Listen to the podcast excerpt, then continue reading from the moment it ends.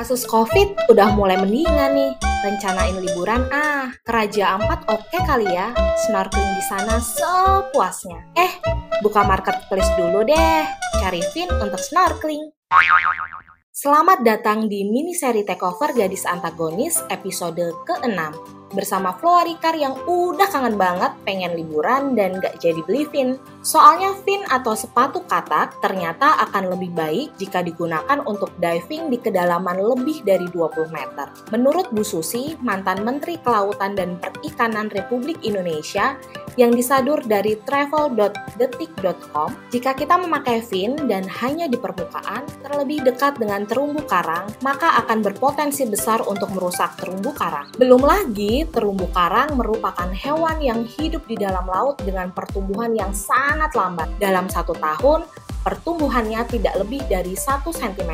Apabila terkena penyakit, karang bisa melakukan bleaching hingga satu koloni, kemudian mati. Padahal terumbu karang punya banyak manfaat. Menurut katadata.co.id, terumbu karang bermanfaat sebagai sumber makanan hewan laut. Ada berbagai jenis makhluk hidup yang tinggal, berlindung, berkembang biak, dan mencari makan pada terumbu karang. Terumbu karang juga bisa menjaga ekosistem yang berada di laut dan pantai. Contohnya, ekosistem hutan bakau melindungi pantai dari ombak besar. Terumbu karang bisa memperkecil energi ombak pantai ke daratan sehingga mencegah abrasi dan kerusakan lingkungan. Terumbu karang juga bisa mengurangi pemanasan global loh. Pemanasan global terjadi karena proses kimia yang menyebabkan suhu di permukaan bumi meningkat. Adanya hewan karang dan tumbuhan alga bisa mengurangi proses kimia dari pemanasan global. Proses kimia tersebut adalah perubahan gas karbon dioksida menjadi zat kapur yang menjadi bahan pembentuk terumbu. Nggak cuma itu, terumbu karang juga bisa menjadi penghasil komoditi perikanan yang tinggi. Ada berbagai jenis ikan yang bisa dipakai untuk kebutuhan manusia. Selain itu, terumbu juga bermanfaat sebagai sumber obat-obatan. Terumbu karang memang sudah menjadi pesona bagi pemandangan bawah laut Indonesia. Jika pertumbuhan terumbu karang bisa subur,